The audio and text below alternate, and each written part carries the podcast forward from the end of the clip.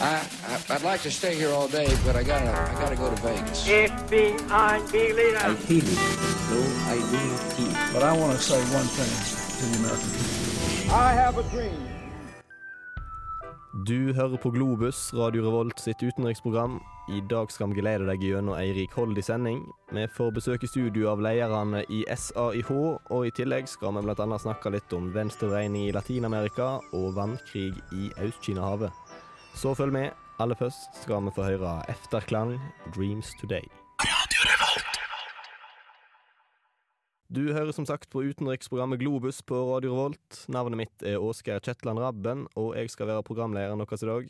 I studio sitter som vanlig òg Knut Aashammer og Vanja Trones. Det er vannkrig i Øst-Kina-havet. Eh, Hubble-teleskopet tar bilde av eh, skal vi si, tidenes morgen, og protestene i Hellas eh, eskalerer på nytt, som de har for vane å gjøre med noen måneders mellomrom. Knut Åshammer gir oss ukas nyheter. Hubble-teleskopet har fanget sitt hittil mest spektakulære bilde fra verdensrommet. Etter å ha stirret på en ørliten flekk i verdensrommet i 500 timer for å fange alt lys, avslører bildet de eldste stjernene siden tidenes morgen, og de aller første stjernene som begynte å lyse opp universet. Det er et virkelig spektakulært bilde, sa dr. Michelle Trenti til BBC. Hun er en av forskerne fra University of Cambridge i Storbritannia, som jobber med prosjektet å kartlegge universets barndom. Vi stirret på denne flekken av himmel i rundt 22 dager, og har fanget et svært dypt bilde av den ytterste delen av universet. Derfor ser vi hvordan galakser så ut i sin barndom. Denne teknikken for å fotografere de ytterste delene av universet vil fortsette å bli brukt, og vil gi forskerne flere år med materiale og verdifull informasjon om universets utvikling og historie. Dusinvis av taiwanske båter har seilt inn i japansk sjøterritorium i en protest mot disputten rundt en gruppe småøyer i Øst-Kina-havet. Øyene, kalt Senaku i Japan og Diaoyu i Kina, er under japansk herredømme, men samtidig legger Kina og Taiwan rett på øyene som sine. Den siste tiden har det vært svært spenningsfulle diplomatiske krangler mellom landene om hvem som egentlig eier øygruppene. Den nyeste hendelsen var at japanske og taiwanske marinefartøy hadde vannkrig mot hverandre ved at de sendte vann på hverandre med sine vannkanoner. En av de største protesttogene i Hellas siden juni endte i voldelige trefninger med det greske opprørspolitiet, da et opprinnelig fredelig protesttog ble avbrutt av anarkister som kastet molotov-cocktails på det voktende politiet. Ingen ble alvorlig skadet i protestene, men over 30 mennesker har blitt arrestert.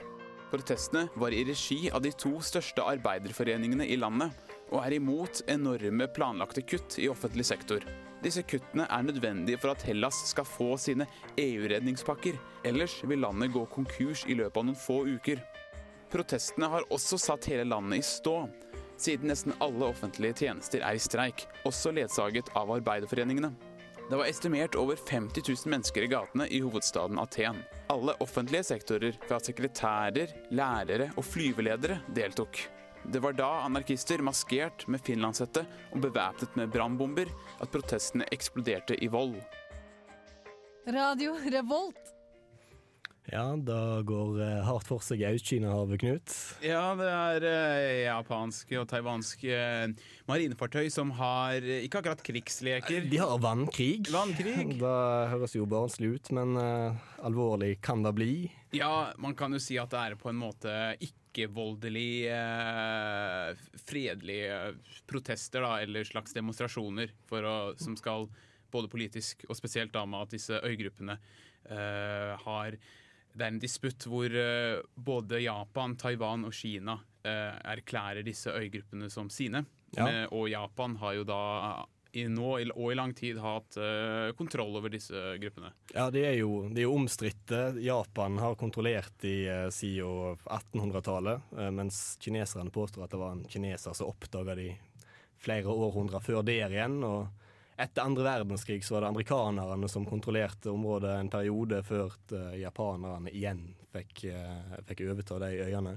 Og Det var noen små holmer vi snakker om, som eh, det ikke bor noen mennesker på, men det skjuler seg muligens store gassressurser under havbunnen rundt dem. Så Ja, det er jo denne typiske ting med at disse øyene har egentlig ikke hatt noe slags interesse eh, internasjonalt eller eh, mellom disse landene spesielt, men nå som eh, oljen eh, går i høyere og man har oppdaget disse ressursene, så vil man jo selvfølgelig ha den delen av kaka.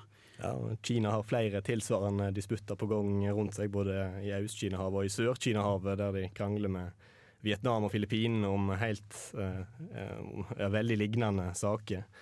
Og uh, i Hellas der er det òg bråk på gang, kan en si, som normalt. Ja, uh, der har det vært bråk lenge, men som i forskjell da fra tidligere protester, så, så er dette en slags en, Man kan kalle det en slags bølgeeffekt, fordi uh, i juni så var det en uh, ny krav eller så var det den nye fristen da, for at eh, Hellas skulle kutte sine budsjetter og gjøre statskutt, sånn at de kunne få en redningspakke fra EU. Og da var det store, store demonstrasjoner, protester og bilbranner og, og hele den pakka, da. Og nå skjer dette igjen, nå som eh, Hellas regjering må kutte for å få lov til å få en redningspakke fra EU. Mm, ja. Og, det, og det fortsetter på en måte sånn i sykluser. I Europa så er det stadig nedskjæring av offentlige utgifter som eh, er medisinen som skal redde oss ut ifra økonomiske kriser, mens i eh, Latin-Amerika der har politikerne valgt en annen vei ut av krisa de hadde for omtrent et tiår siden.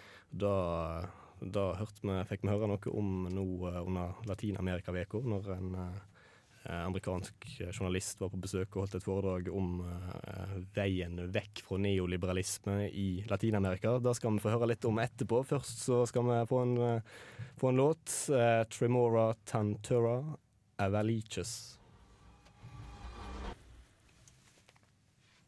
Latin America found itself at the beginning of the 1980s um, returning to democracy after a period of dictatorships, but also with a very heavy debt problem, um, and came under very strong pressure from its international creditors to apply structural adjustment policies, uh, what's often known as, as neoliberal policy. That is, a privatization, reducing um, public expense, uh, social services, and so on and using that money to pay off the foreign debt. Uh, and this went on through the 80s and 90s. They didn't solve the debt problem, and social problems got increasingly worse until it created such a huge frustration that a broad social movement took place across the region, first against structural adjustment itself, and then became catalyzed when uh, the Bush government tried to push through the Free Trade Association, the Free Trade Area of the Americas, the FTAA. At that time, uh, left-wing government came to power in Latin America. And it coincided with a, this was like 2001, uh, it coincided with a period when left-wing governments started, or, or res- relatively progressive governments started coming back into power um, as part of this movement of refusal to continue with these structural adjustment policies. Um, and there was a continent-wide social movement of all kinds of social sectors uh, saying no ALCA, no to the FTAA. Um, and the governments adopted this. Um, and by the year 2005, the strongest countries in the region, uh, Brazil, Argentina, Venezuela, not Mexico, um, had relatively left-wing governments and said we're not signing the FTAA. Mm-hmm. And you also talked about the cultural change which has happened as a consequence of uh, these uh, political changes, for, uh, for example, in Venezuela. What did you mean by that? Well, in particularly uh, in Venezuela, but to a certain extent in other countries, poor people have not only found their economic and social situation enormously improved, better health services, education, more jobs, and so on, but they've also felt valued as people. They've become part of the official discourse. These are people who were never taken into account um, by politicians in general, by the government. Um, they've been given a space to voice their opinions, to, to, to decide on things in their communities, to debate, to defend rights, to claim rights. Um, And, and, and this is a really profound cultural change because people started to lift up their heads, feel they have dignity, um, feel that people, citizens, uh, with equal rights to others. And this is something that won't move back easily. It's, it's really important cultural change. Sally Birch snakker om uh, politisk utvikling i Latin-Amerika. og Hun sier jo annet at det har vært et, uh, hva du kaller det, et tide change uh, i, i, økonomisk doktrine, annet. En har gått vekk fra den neoliberalistiske retningen som en fulgte på 80-90-tallet, som ble implementert på 80-tallet. og til fordel for mer skal du si, keynesianistiske ideer etter at venstreorienterte regjeringer har kommet til makta. Og uh, dette var jo noe av det du snakket om i sist sending, Vanja? Ja, uh, det var det. Snakka mye om neoliberalisme og hvordan det påvirket folk på den nederste rangstigen i samfunnet. Ja, og, den, og denne omlegginga av politikken har jo òg fått konsekvenser nettopp for deg nederst ja, på rangstigen. Ja, si. det er nettopp det. Ikke bare har det blitt bedre velferd, helsesikkerhet, jobbmuligheter, men de eh, folka her blir løfta fram, og de føler seg endelig som en del av landet. Fordi det er, ikke, det er, det er folk som ikke har blitt regnet med før. De mm. har ikke blitt tatt med i, på en måte, i helheten. Det er folk som har følt seg utafor hele livet, og endelig så kommer de fram i lyset, og det er jo utrolig positivt. Fattige blir løfta opp til en bedre hverdag. Eh, forskjellene utjevnes. Ja, vi hørte jo uh, Sally Birch nevne Venezuela. Det er jo Chávez er jo en omstridt leder, men ja. uh, hun sier at, at uh, det har skjedd en kulturforandring blant de fattigste i landet, i alle fall. At de nå tør å Ja, de har fått en stemme, rett og slett. Eller mm. ja, de er en del av landet, da. De blir ikke bare feid under teppet. Eh, mm. De er faktisk en del av landet, og de har løfta seg opp, virkelig. Mm. mm. Og noe av det som uh, styresmaktene i uh, disse landene har gjort, er jo visse tiltak for å for å hindre eh, kapitalflukt, for å eh, hindre at for store deler av naturressursene kommer på private hender. Ja. I, i, altså, folk må investere i, eh, i, egne banker, i hjemlige banker. Mm -hmm. Og i f.eks.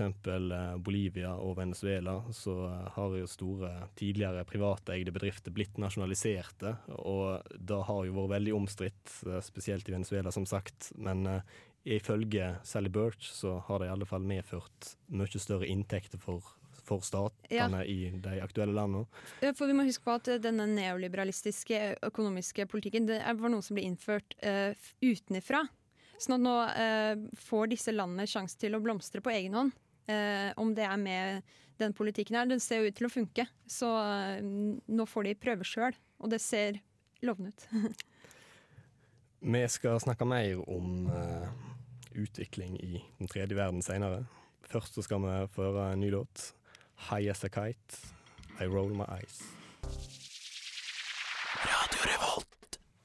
Vi får snart besøk av SAIH her i studio, og de har lenge vært engasjert i eh, utdanning som politisk verkemiddel, og mm. vi kan vel virkelig si at uh, utdanning er et politisk verkemiddel? Ja, eh, det er det jo. Altså, det er viktig at eh, studentene bruker sin stemme ved universitetet. Ja. Um, og en kan jo si mer generelt òg at å være diktator i et land bestående av analfabeter, da ja, er ganske enkelt. Det er, det er ganske enkelt, ja. Det er den enkleste måten, det. Å bare kutte utdanninga, for da har du eh, et lydig eh, publikum. Du, du, bor i et lutfattig, men uh, strengt oppdratt land, ja, kan vel si ja, Ikke sant? Uh, så alle uh, undersøkelser viser en helt klar sammenheng mellom grad av utdanningsnivå og grad av demokrati. Mm. Så i land med veldig lågt utdanningsnivå, så er det for det første vanskelig å få etablert et demokrati i utgangspunktet. Innbyggerne vet knapt hva ordet betyr. Nei. Og i de tilfeller der det har blitt etablert, så ser en at det kollapser veldig fort. Men uh, i, uh, i uh, diktatur med lågt utdannet befolkning, så er det òg ve veldig vanskelig for opposisjonelle å i det hele tatt få utdanning. Ja. For med en gang eh, styresmaktene merker at det lukter Så er det rett ut. Ja, da er det rett ut. Da blir du utestengt. Og, men det finnes vel måter å unngå dette her på for eh, studenter som virkelig vil eh, opp og fram. Men Ja. det kan få litt bisarre utslag, Ja, som i Kina For for i, i. Kina, ikke akkurat et diktatur, men eh, det ja er en vel, da vil eh, jeg påstå. Ja, ok, greit. Ettpartistat, i hvert fall. Uh, der er det nemlig sånn at eh, hvis du vil opp og fram, så lønner det seg å være medlem av kommunistpartiet. Og da er det slik at eh, unge middelklassebarn som vil studere, de må melde seg inn i kommunistpartiet. Og, først, og bare det å komme seg inn i det hele tatt. Det er ikke sånn kjempevanskelig. Problemet er å komme seg ut igjen. Men poenget er at du må være medlem av partiet for å kunne i det hele tatt få deg en utdanning og få deg en karriere etterpå. Hvis, eh, hvis du melder deg inn, får deg en utdanning og melder deg ut igjen, så er du ferdig. Da, Da- får du ikke noe jobb som du er kvalifisert til, i hvert fall. Så du må gå gjennom eh, skal du si, eh, opplæringsprogrammet Ja. i det Du må gå på møter, og du, må, du, blir, du får sponsorer, og du får folk som du skal være sammen med hele tiden, og som skal følge deg opp. Og, så det er, jo ikke, det er jo ikke helt greit å komme seg unna det heller. Det, det er jo det som er poenget, at én ting er å komme seg inn, en annen ting er å komme seg ut. Ut av kommunistpartiet. Ut av ja. kommunistpartiet. Det er jo ikke bare bare. Da stenger du vel dørene til de fleste muligheter Ja, da, i et ja, land som Kina. du gjør jo det, da. Så det gjelder å ha ikke kontakter, men det gjelder å ha det rette synene, da. Rett og slett. Ja, eh, Hvis ikke så får han ikke jobb noen Nei. plasser. Og det som, det som skjer da, det, når de kommer inn i kommunistpartiet som studenter, så blir de da de blir fostret opp til å ta over etter, de, etter den forrige generasjonen. Sånn at Kina hele tiden fostrer opp generasjon, generasjon på generasjon som har de samme måte, holdningene da, som den forrige generasjonen. Sånn at de hele tiden bare Det, det ruller og går, da, det systemet der. Og det er vel det er vel heller ikke sånn at eh, en eh, rektor ved et universitet eller eh, andre ved universitet kan bestemme hva som skal undervises i i Nei, et land som Kina. Nei. Vi skal snakke mer om, mer om utdanning og demokrati senere. Først så skal vi høre en låt av en gruppe med det fengende navnet Hightech Feet Q-Tip Dion Corrupt. Keep it moving. Ja, du er altså på Radio Revolt, eh, utenriksprogrammet Globus. Og nå eh, er vi så heldige at vi har fått besøk her i studio av to jenter fra SAIH. Eh, Natalie Junkers, leder i SAIH, og Lina Maria Elvestad, som er nestleder. Velkommen til dere. Hei, hei. Eh, Kan dere først fortelle litt om hva SAIH er for noe? Hva dere jobber med? Ja. Først og fremst så står jo SIH for Studentenes og Akademikernes internasjonale hjelpefond. Og vi har eksistert i 50 år nå. Uh, og vi er da en solidaritets- og bistandsorganisasjon. Um, og vi jobber mest med utdanningsbistand, informasjon og politisk påvirkning i, i Norge. Mm. Ja. Uh, har dere kontakt med studentorganisasjoner i andre land? Ja, vi har eh, fem ulike partnerland. Vi, eh, det er Bolivia, Nicaragua, eh, og så er det tre i Sør-Afrika, eh, tre i Afrika. Eh, Sør-Afrika, Zimbabwe og Zambia, som vi har prosjekter med. Eh, så ja, vi, har, vi støtter prosjekter innenfor utdanning, innenfor forskning og opplæring. Og det her gjelder da på hiv-aids-problematikk, LHBT-rettigheter, kvinnenes rettigheter, urbefolkningen sine rettigheter. Mm. Mm. Og så har dere en fredspris som dere deler ut. Den ble jo nylig delt ut til en uh, iransk studentaktivist. Hva, hva var det for en eh, type? Kan du si noe om han? Ja, eh, det er, jo, det er jo ikke vi som deler den ut, sånn sett, men det er jo, det er jo Studentenes fredsprisorganisasjon. Men vi har jo en stor innvirkning på den. Um, og det var jo Majid Talakovi som vant, eh, som er en iransk studentleder um, og menneskerettighetsaktivist, som ble fengsla i jeg vet nå eller en liten stund tilbake, for ni år, da, for å ha uttalt seg og kritisert eh, både landet og eh, universitetet, da. eh, I en tale i 2009 hvor han hold, eh, som han holdt foran eh, en stor mengde i Iran. Mm, og politiske rettigheter eh, og andre rettigheter er jo noe dere har, eh, har eh, engasjert dere i, både i eller spesielt i andre land, kan man si. Ja. For dere har jo årlige kampanjer.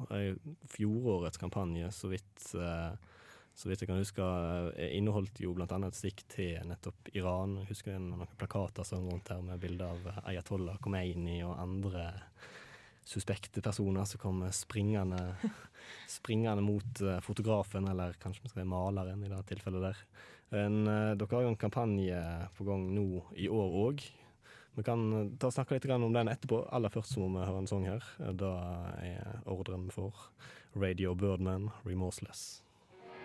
Du hører fortsatt på Radio Revolt på utenriksmagasinet Globus, og vi har eh, besøk av eh, nestleder og leder i SAIH. Og dere skal til å sette i gang årets kampanje. Hva skal den handle om? Ja, eh, Kampanjetemaet for i år er, ordning for utviste studenter.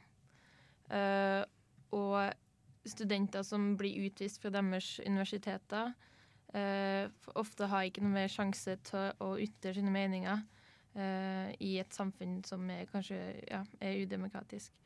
Og vi ønsker at de skal da få lov til å komme til Norge uh, og fullføre utdanninga si her, og så dra tilbake igjen og engasjere seg videre for landet sitt.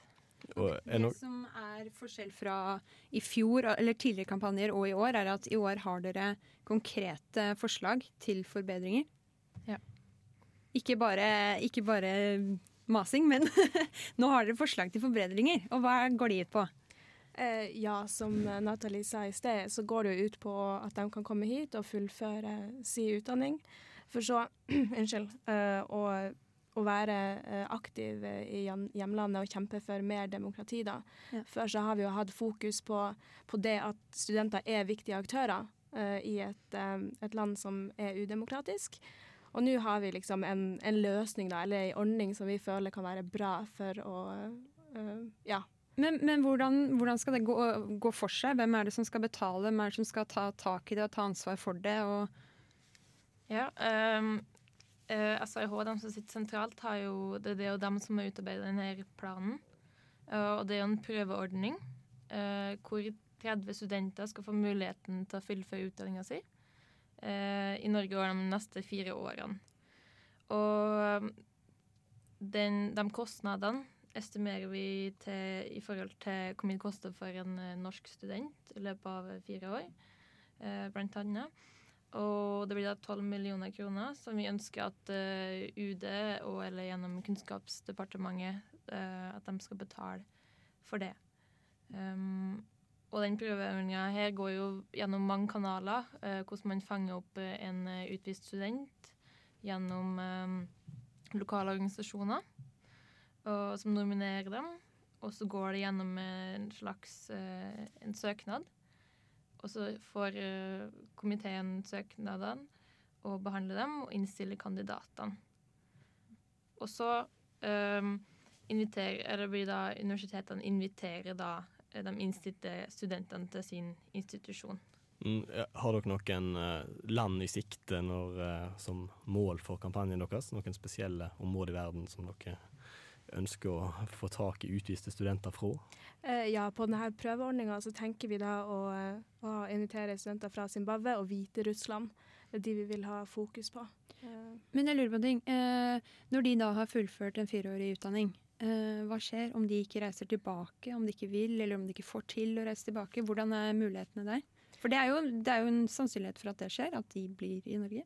Ja, det er det absolutt. Um, jeg kan vise til en lignende eh, ordning i, i Nederland, da, uh, som heter Libertas Support Fund.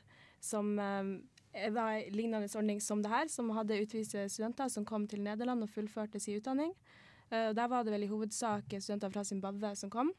Uh, de hadde vel i hovedsak Flesteparten av de som kom dit, reiste tilbake igjen og var aktiv og kjempa for eh, demokrati eh, i Zimbabwe. Men så er jo det spørsmålet altså hvis de ikke reiser tilbake, eller hvis de ikke kan reise tilbake fordi at eh, regimet Mm. ikke vil ha dem tilbake hvis de har vært kritiske. Og da må de kjempe herfra, kanskje. Ja, det er jo, det er jo Det er en mulighet. Ja. Ja, Det du sier der er jo ganske interessant. Det er jo to helt forskjellige situasjoner om noen eh, kommer til Norge og ikke vil reise hjem igjen, eller om de ikke får lov til å reise hjem igjen. Så kan en ikke egentlig sette en eh, student i en farlig situasjon hvis en inviterer han til Norge? Eh, på den måten eksponerer han. Eh, det er åpenlyst for alle og enhver at den personen er opposisjonell. Reiser til Norge for å få lov til å drive med det han vil. Eh, kan en ikke da risikere at eh, eh, det kan bli farlig for han eller familien hans seinere i heimlandet?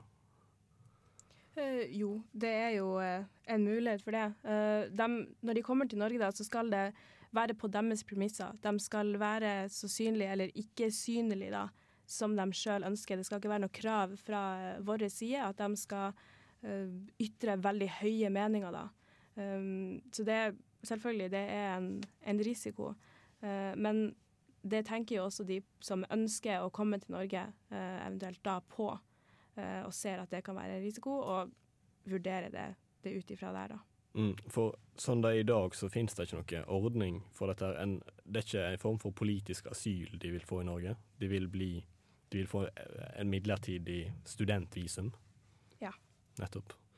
Vi skal snakke litt mer om uh, hva dere har i sikte framover uh, litt senere. Først så må vi høre en låt til.